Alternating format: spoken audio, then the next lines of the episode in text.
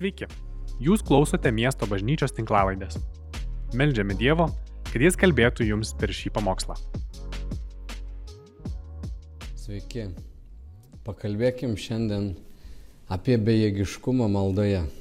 Nežinau, kiek tau yra tekę atsidurti tokioj situacijoje, kada tu jautiesi bejėgis ir tau reikia pagalbos paprašyti pas kitą žmogų.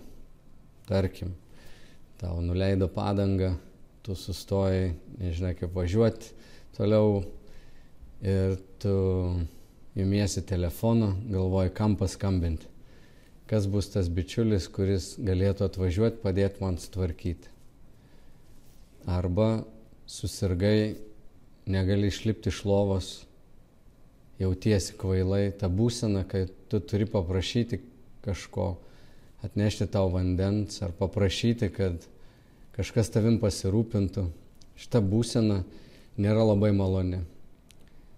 Manau, kad atėjus tam tikram amžiui, senatvėj, kai turi pavesti savo kūną kitam žmogui, kad jis jau rūpintųsi, yra na, didelis stresas, didelis sunkumas.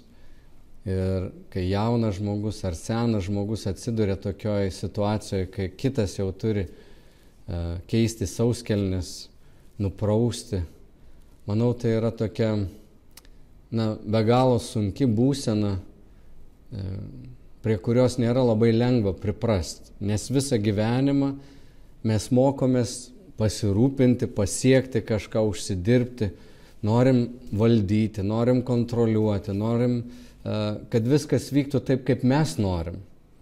Manau, kad tai tikrai yra mūsų įprasta būsena. Iš čiagi kyla ir konfliktai, ir, ir įvairius ginčiai, nes aš noriu, kad būtų taip, kaip aš noriu.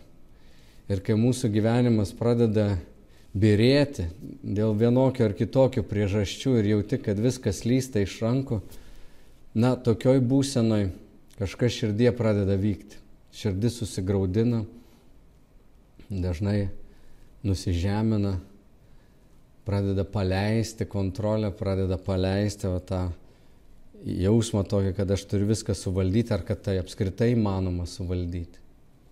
Ir tas jausmas pas kiekvieną iš mūsų ateis. Tas jausmas ateis arba mums bendradarbiaujant ir einant sąmoningai link to, kas ir yra raktas į į dvasingą gyvenimą.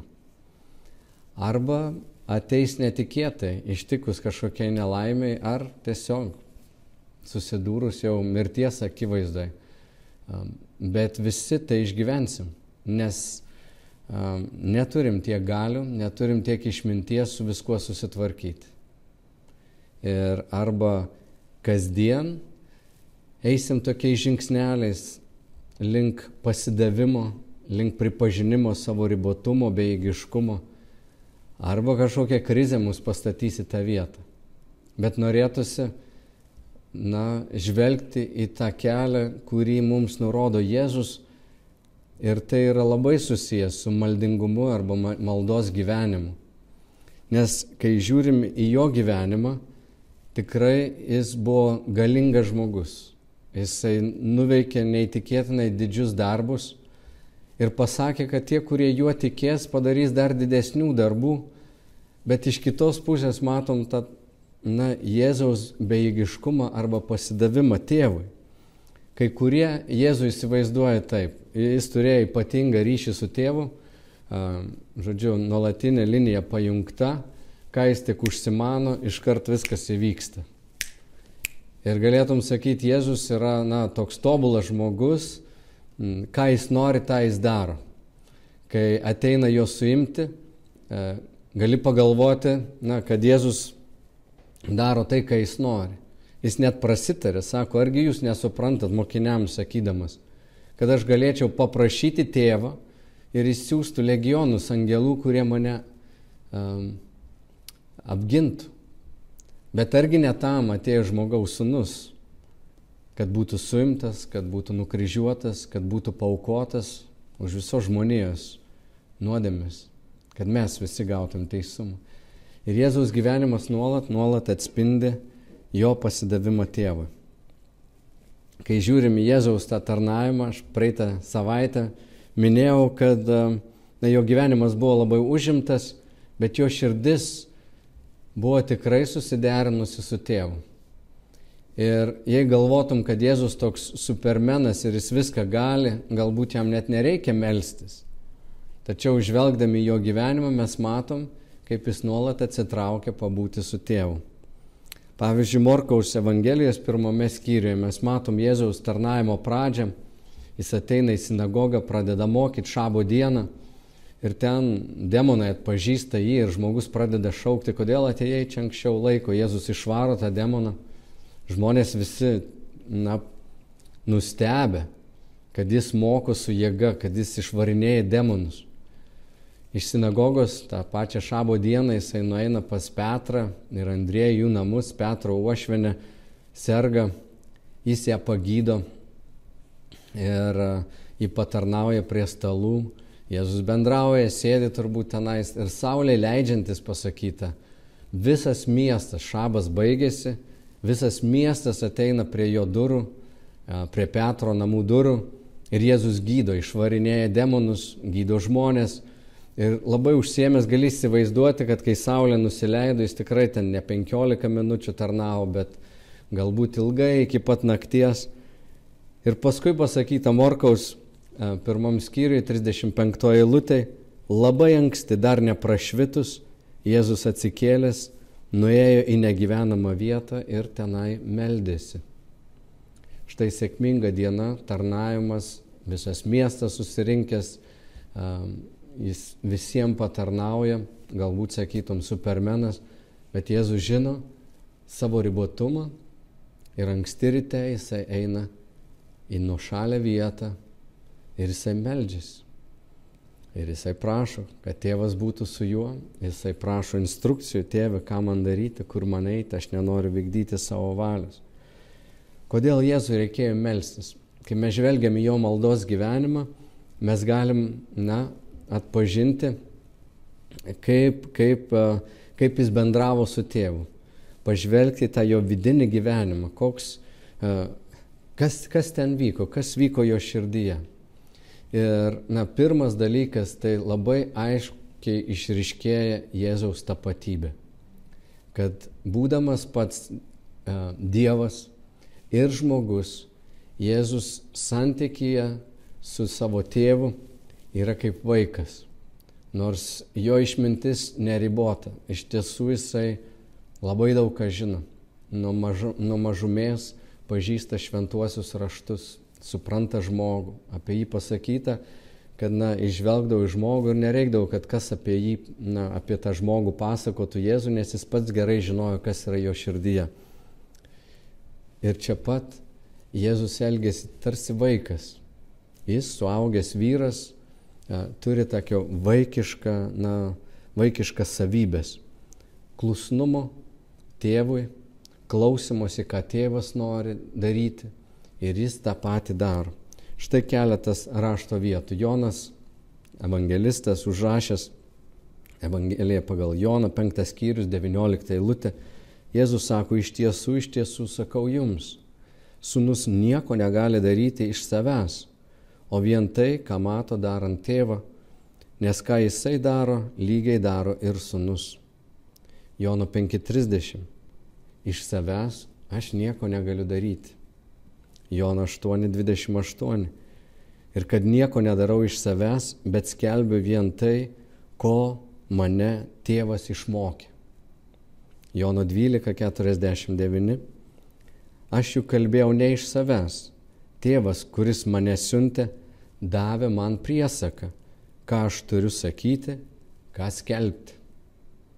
Na, taip kalba tik vaikas, taip kalba tik ištikimas pasiuntinys, kuris neprimeta siuntėjų savo valios, bet vykdo tiksliai tai, kam yra siūstas. Čia mes matom Jėzaus klusnumą, mes matom jo tą tokią, na, tapatybę, kad jis yra sunus ir priima savo tą sunaus rolę labai ištikimai. Nori patikti tėvui, nori daryti tik tai, ką tėvas prašo jį daryti. Štai mums yra tikras pavyzdys. Ir kai Jėzus sako mums, ką kalbėjau praeitą, e, praeitam pamokslę, kad mes būtumėm kaip vaikai, nes patapdami kaip vaikai mes įeisim į dangaus karalystę, e, mūsų nusistatymas turi būti toks kaip vaikų. Tai Jėzus mums pats ir pavyzdį parodo, ką tai reiškia. Jis niekada nemoko mūsų daryti tai, ko pats nedaro. Jis nepamokslauja vieną, o pats elgesi kažkaip kitaip. Jis nesako, mylėk artimą, bet na, man, aš esu išimtis, aš esu jūsų mokytojas, man to nereikia daryti. Ne. Jis yra mums pavyzdys, kaip mes turime klausyti tėvo, jis yra mums pavyzdys, kaip mes turim įeiti į tą tokią bejėgiškumo būseną, kur iš savęs mes nieko nesitikime, norime vykdyti tik tai, kas mums yra pavesta. Galima būtų sakyti, kad Jėzus buvo labiausiai nuo Dievo priklausomas žmogus, labiausiai pasidavęs savo tėvui. Ir atrodo, kad Jėzus kuo daugiau tarnaudavo, tuo daugiau jis ir melzdavosi.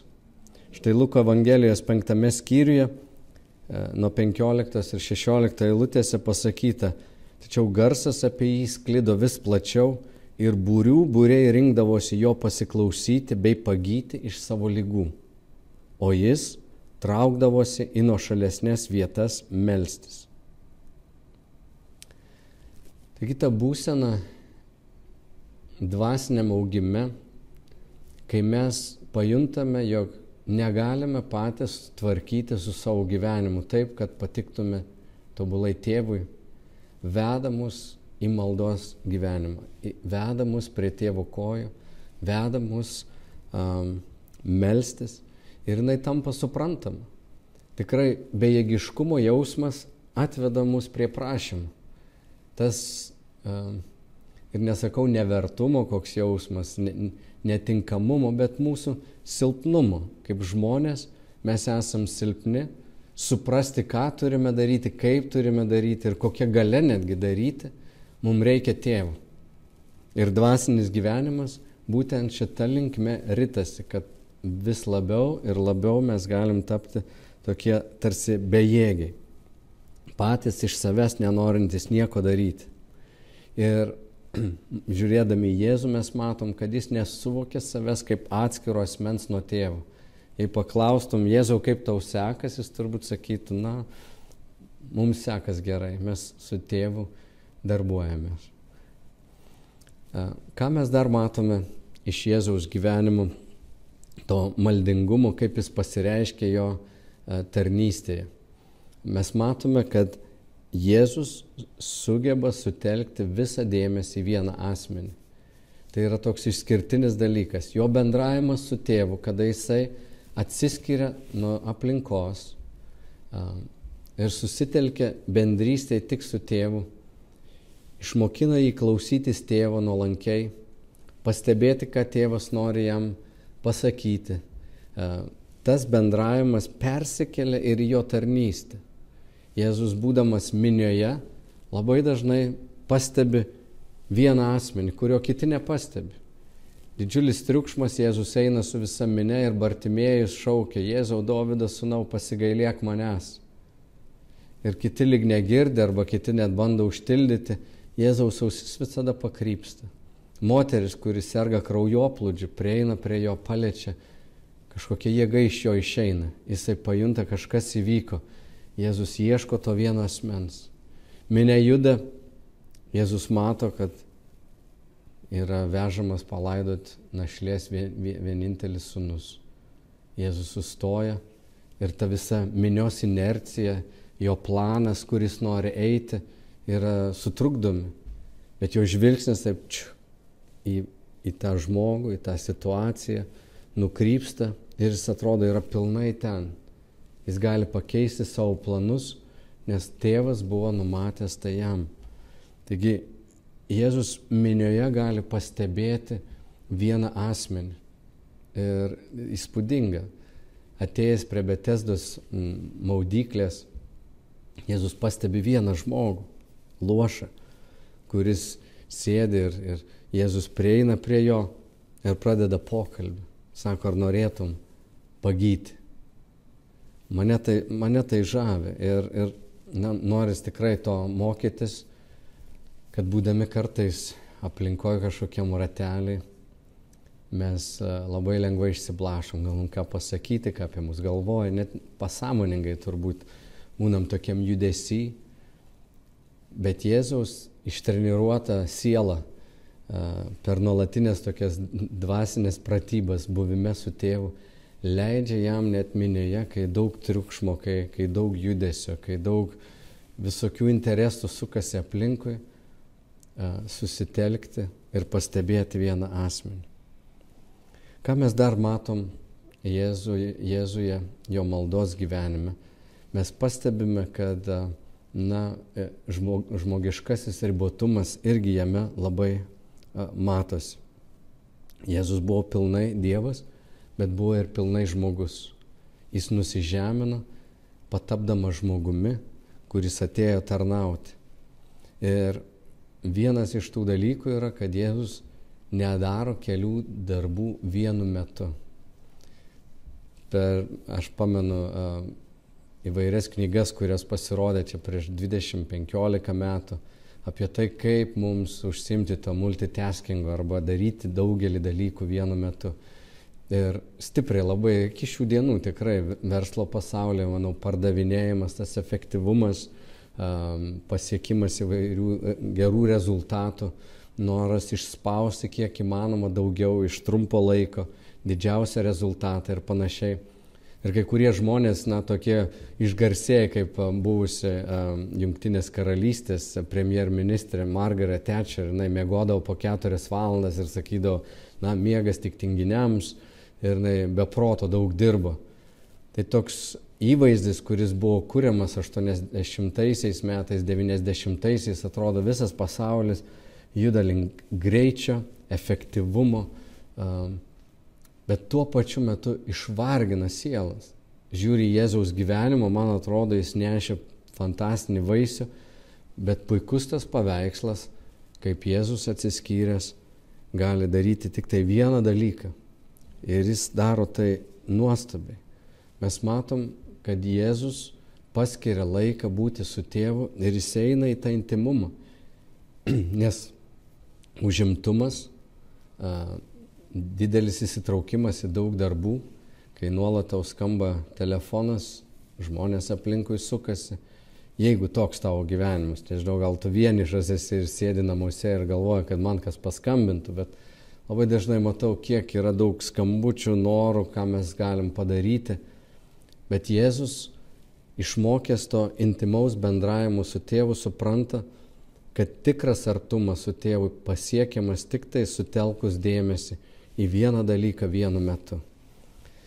Ir čia nu, tikrai reikia pasimokyti. Aš anksčiau galvojau, kad taip neišsiblaškydavau kaip dabar. Šiandien man na, sunku susikaupti. Anksčiau tiek trukdžių nebuvo. Šiandien trukdžių yra daug daugiau. Daug daugiau, kas skamba, kas a, a, juda, vibruoja, a, girdim mes dalykus. A, Ir mums šiandien reikia mokytis daryti vieną dalyką vienu metu. Išmokti išsijungti, atsijungti. Ir kai aš kalbėjau, kad Jėzus yra užimtas savo tarnystėje, bet jo širdis yra neužimta, tai ta neužimta širdis gali būti tik tuo met, kai esame artimam ryšy su tėvu. Kada būnam arti jo ir žinom, kad tėvas yra šalia, jaučiam, kad jis yra mus lydi, jis mus veda. Ir Jėzus tam skirdavo laiko, kaip ir senieji žydų maldininkai, Jėzus paskirdavo labai dažnai rytą ir ateidavo ryte melstis. E, psalmėse mes skaitom viešpatie, auštant, tu girdi mano balsą, auštant į tave kreipiuosi su malda ir laukiu. Kitoj psalmėje pasakyta, o aš gėdosiu apie tavo jėgą Kas rytą garsiai gėdosiu apie tavo gerumą, juk tu buvai man, mano tvirtovė, užuovėje pavojaus metu. Dar kitoj psalmai, o aš viešpatie, šaukiuosi tavęs kas rytą, tave sveikina man, mano malda. Rytinis laikas kaip kažkas yra gerai pasakęs, nelabai gerai e, derinti instrumentus po koncerto. Reiktų prieš koncertą suderinti visus instrumentus. Ir kai kalbam apie rytinę maldą, tai yra tarsi tavo sielos kaip instrumento suderinimas. Daryti vieną dalyką vienu metu, atsiskirti, pabūti ryte vienam yra e, labai svarbu. Mano gyvenime tai tas rytinis laikas kažkada prieš kažkiek metų pradėjau keltis prieš, nu, prieš visiems kitiems namuose pabundant, kad galėčiau pabūti su tėvu. Šiandien mėgaujuosi bėgiodamas ryte ir melzdamasis. Tai yra mano toks naujas įprotis, kokius keturis metus jau uh, tą stengiuosi daryti. Uh, ir jeigu pradžioje buvo sunku bėgti ir melsis, tai šiandien man tai yra labai brangus laikas kai nėra jokių žmonių aplinkui, saulė gal dar net nepakilus, būti su tėvu, bendrystėje, garbinti jį. O tas atsiskirimas tampa kaip instrumento suderinimas visai dienai. Ne visada pavyksta tobulai nugyventi, žinoma, ne, bet sunkiai save įsivaizduoju be to pabuvimo su tėvu. Kartais jis pavirsta džiaugsmu, dėkojimu, kartais tai būna ašaros, kartais tai būna atsiprašymas už kažką, kas vakar įvyko. Bet pastebiu, kaip šita malda, kai tėvo paprašai kažką ryte ir vėliau dieną tu matai, tėvas buvo su manimi, tėvas davė man jėgų, tėvas nukreipė arba atvedė tą žmogų, labai daug įtampų nukrenta visam dienos tam bėgime. Žinoma, kai sakau, kad melsis ryte yra senas įprotis ir daug maldininkų pradeda dieną nuo maldos, tai nereiškia, kad negalim vakare melstis. Mes žinom, kad Jėzus meldėsi ir vakare jo. Ta vadinama didžioji kunigo malda Jono Evangelijos 17 skyriui vyko vakare. Mm, jis buvo su mokiniais toj paskutinės vakarienės metu. Mes žinom, kad Jėzus Getsemanės sode visiškai naktį prieš jį suimant e, meldėsi. E, tos maldos gali būti atskirtos ir kitų laikų, galbūt tau vakare labiau tiktų. Bet esmė tokia, kad Jėzaus buvimas su tėvu ir įėjimas į tą artumą, kada na, nieks netrukdo tavo aplinkui, kada tu atsiskiri tik tais tam, kad pabūtum su juo, įves tave į tikrą tokį artumą, kur tavo ausis bus įgudusi girdėti jo balsą tada einant jau į užimtą dieną, tavo širdis išliks nebeužimta daugeliu dalykų. Nes širdis bus pripratusi pabūti su tėvu, nurimti prieš tėvą ir diena tavęs taip nebeišblaškys ir žinoma diena tu turėsi daug maldų. Apie tai kitą savaitę noriu Jums kalbėti, kaip išlikti toje maldoje, nuolatiniai maldoje, būti nuolatiniai maldoje. Bet prieš tai, kad būtum nuolatiniai maldoje, manau, būtina paskirti ir laiką ir rasti vietą, kur tu galėtum uh, išsikalbėti tėvui. Kartai žmonės sako, na, aš visą laiką melžiuosi, tai tarsi man nebereikia jokio kito laiko. Bet uh, manau, kad sutelktos maldos poreikio tai tikrai ne, nepanaikina. Jeigu tu meldiesi važiuodamas automobiliu, eidamas mieste kažkur, darbo vietoje sėdėdamas, Žinoma, mes visi pakeliam savo akis turbūt ir daug kartų dienos metu į tėvą ir kažko paprašome jo. Tai yra nuostabu, tai yra gerai, na, tačiau tai nenaikina to poreikio, kad norėdamas statyti intimų, artimą, gilų ryšį su tėvu, tau reikia atskirti ir laiką pabūti atskirai. Kitas toks prieštaravimas maldai, žmogus sako, aš tiesiog per daug užimtas, tu neįsivaizduoji, kiek aš turiu darbų, aš negaliu suspėti visko nuveikti. Bet čia noriu tau Martyną Liuterį pacituoti. Jis sakė, šiandien turiu tiek daug darbo, kad turėsiu daugiau melstis. Jis net sakydavo, kad jeigu turiu tiek daug darbo, man vienos valandos melsis nebeužteks, man reiks dviejų mal valandų maldos tas supratimas, kad, na, aš esu labai užimtas ir turiu tiek daug ką nuveikti, jis, na, ta lasda turi du galus. Iš vienos pusės to atrodo puolė ar ne viską daryti, bet esi pastebėjęs, kad būdamas užimtas, bėgdamas, puldamas, skubėdamas, kartais padarai daug mažiau, negu tomis dienomis, kai esi nurimęs, susitelkęs, pabuvęs su tėvu, tu gal padarai vieną, du, tris dalykus, bet tai yra patys svarbiausi dalykai. Tai apskritai yra toks gyvenimo principas. Aš pamenu, kai nusprendžiau penktą valandą ryte keltis, tai buvo man, aš nesakau, kad tu turi taip daryti, bet aš priejau tokią bejėgiškumo būseną, kur na, jausmas, kad viskas lydo iš rankų ir aš nepatenkintas, man, man trūksta džiaugsmo, man trūksta to, to, to pasitenkinimo tiek Dievu, tiek bendrystė, tiek savo visais darbais. Ir aš supratau, aš turiu atsiskirti, aš turiu atsi, atsikelti labai anksti ir turiu melsis, kad būčiau na, atgaivintas. Ir e, tada išgirdau tokią mintį, kad visi efektyviausi žmonės nuveikia savo didžiausius darbus tarp 5 ir 8 valandų ryto. Tai čia buvo kalba net ne apie tikinčių žmonės, bet kur, žmonės, kurie prieš visą dienos šurmulį atsikelia ir susitelkia ir pamasto, kas yra svarbu. Nes kai visi miega, na, nėra tos įtampos, tavęs neerzina, nenervina niekas, tu tikrai gali būti ramus. Ir Jėzus dažnai net prieš aušrą eidavo melsis. Ir aš pastebėjau, tai ypatingas laikas. Gal toks panašus laikas yra po 11 vakaro ar ten 12.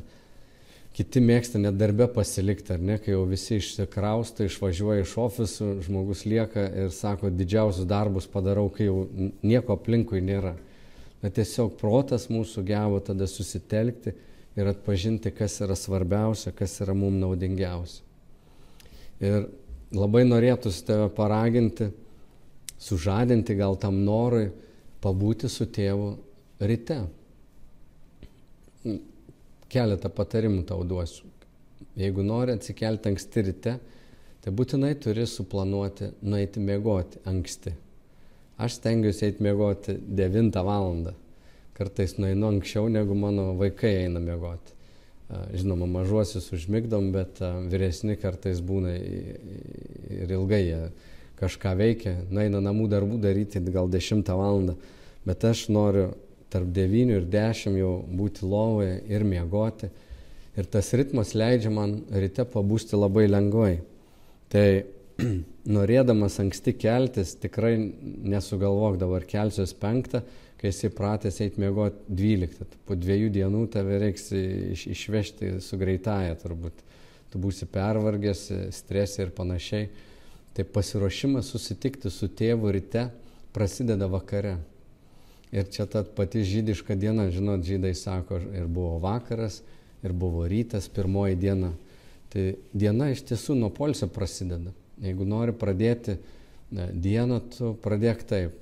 Atėjo vakaras, pirmas dalykas, ką turiu padaryti, tai pasirūpinti savo kūnu, kad jis išsimiegotų, išsilsėtų, o vat antroji paros dalis a, prasideda diena, kai aš kažką nuveiksiu. Bet pirmą aš turiu išsilsėti, pirmą turiu nurimti ir kai iš lovos išlipu, aš atsisėdu. Man patarimas nelik lovai melstis, nes nesimelsi turbūt ilgiau minutės ar dviejų, vėl užmigsi išlipk išėjai kažkur, susirask gerą vietą, įsipatogink, gal tau reikia kavos pasidaryti, gal arbatos podelį, gal tau reikia išbėgti ar išeiti pasivaikščioti, kur tu galėtum būti vienas, bet tau tai būtų maloni erdvė. Ir na, taip kaip gulėjai, paskui gali sėdėti, paskui gali stovėti, o paskui galėsi ir išeiti į darbą. Yra ta progresija, mes negalim taip na, persiversti greitai, negalim savęs taip stresuoti. Gulėjai, išsilsėk, tavo dienos paros ta pirmoji dalis yra polsis, paskui pabūk su Dievu, pastatyk jį į pirmą vietą ryte, pabendrauk su juo ir pradėk nuo nedaug. Patarimas ne, ne, nepradėk ten nuo valandos, nuo dviejų, nes tiek turbūt neturėsi.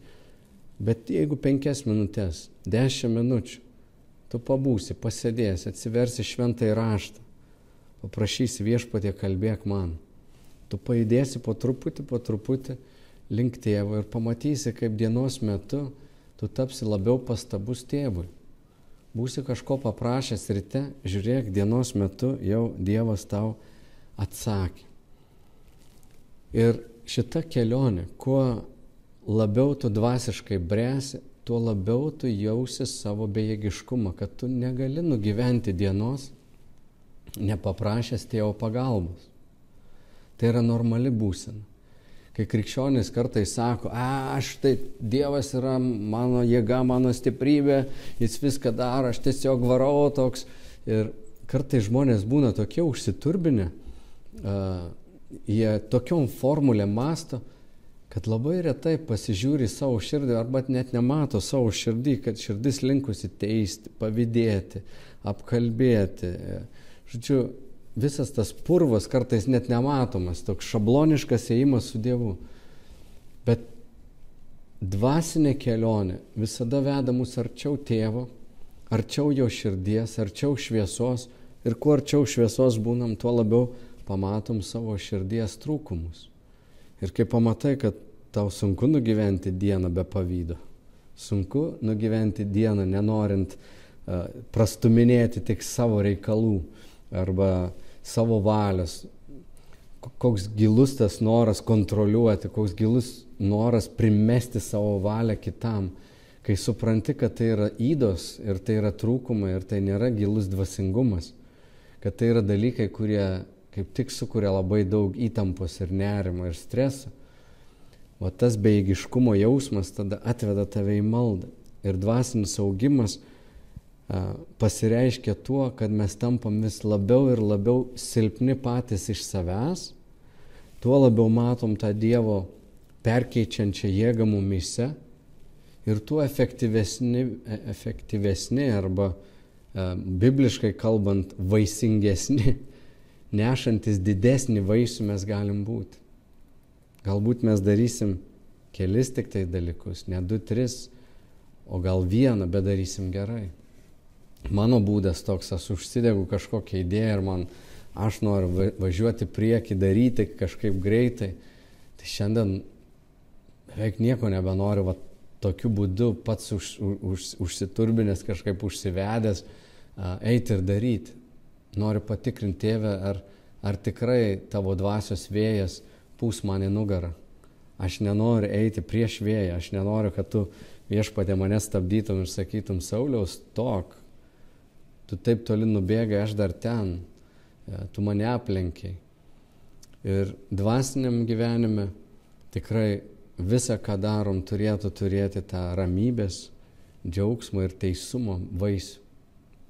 Jeigu džiaugsmas dingo, tau betarnaujant atsirado kažkokie priekaištai, nepasitenkinimas, galbūt tu jau darai tai, ko nesi pašauktas daryti. Gal tiesiog ėmėsi daug darbų, kurie šiaip yra geri. Bet dvasingumas ir geba atskirti gero nuo geriausio. Arba geba atskirti tai, kas yra tiesiog gera žmogui ir tai, kas yra Dievo valia, tai, ko tėvas nori iš tavęs, iš manęs.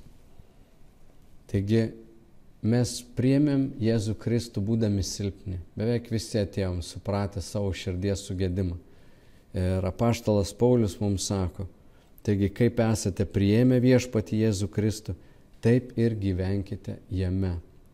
Tai yra, kokiu būdu jūs pasietėjote, tokiu būdu ir likite gyventi savo dvasinį gyvenimą. Taigi, kuo labiau mes bręsim, tuo labiau mes matysim savo silpnumą. Tuo labiau mums reikės Dievo malonės, reikės Dievo prisilietimo. Ir tas gyvenimas yra palaimintas gyvenimas. Palaimintas tas, kuris pažino tėvo valią ir gali ją vykdyti. Palaimintas yra tas, kuris neturi apgailėstauti savo pasirinkimų, kuris sugebėjo palengti savo širdį, išgirsti tai, ką tėvas nori jam pasakyti ir įvykdyti tai, ką tėvas jam yra paskyręs. Ir tada Jėzaus našta tampa lengva, tada jo jungas tampa švelnus ir iš tikrųjų galim eiti, sekti juo ir nesiskūsti. Kur be būtum, ta, ar tu būtum uh, pamokslininkas, ar tu būtum mokytojas, ar tu būtum pardavėjas, tai ką dabar kalbam, tie principai, jie yra tinkami bet kokiai gyvenimo sričiai. Taigi, meldžiu viešpatė Dievę, kad tu mums visiems suteiktum malonę patapti tokiais bejėgiais pačiam, patiems iš savęs, kad galėtume patirti tavo malonę, tavo dvasios vėją, pučianti mums į nugarą, tavo dvasios vėją, kuris lydi, kuris mus veda. Šventoji dvasia, mums reikia tavęs, ateik, pripildyk mus, pažadink mus anksti ryte, pakviesk mus į maldą anks, labiau nei anksčiau ir duok malonę at, at, atsiliepti kiekvieną tavo beldimąsi prie mūsų širdies durų, kad galėtumėm viešpatė pabūti su tavimi, galėtumėm vakarieniauti su tavim prie stalo, kad tu būtum su mumis, o mes su tavimi, pilnai, visa širdimi, visų protu, visa savo siela. Tėve, išklausyk šios maldos dėl mūsų viešpatės Jėzaus Kristaus teisumo. Amen. Ačiū, kad klausėte. Daugiau informacijos rasite mūsų svetainėje miestobažnyčia.lt arba Facebook, Instagram ir YouTube paskiruose.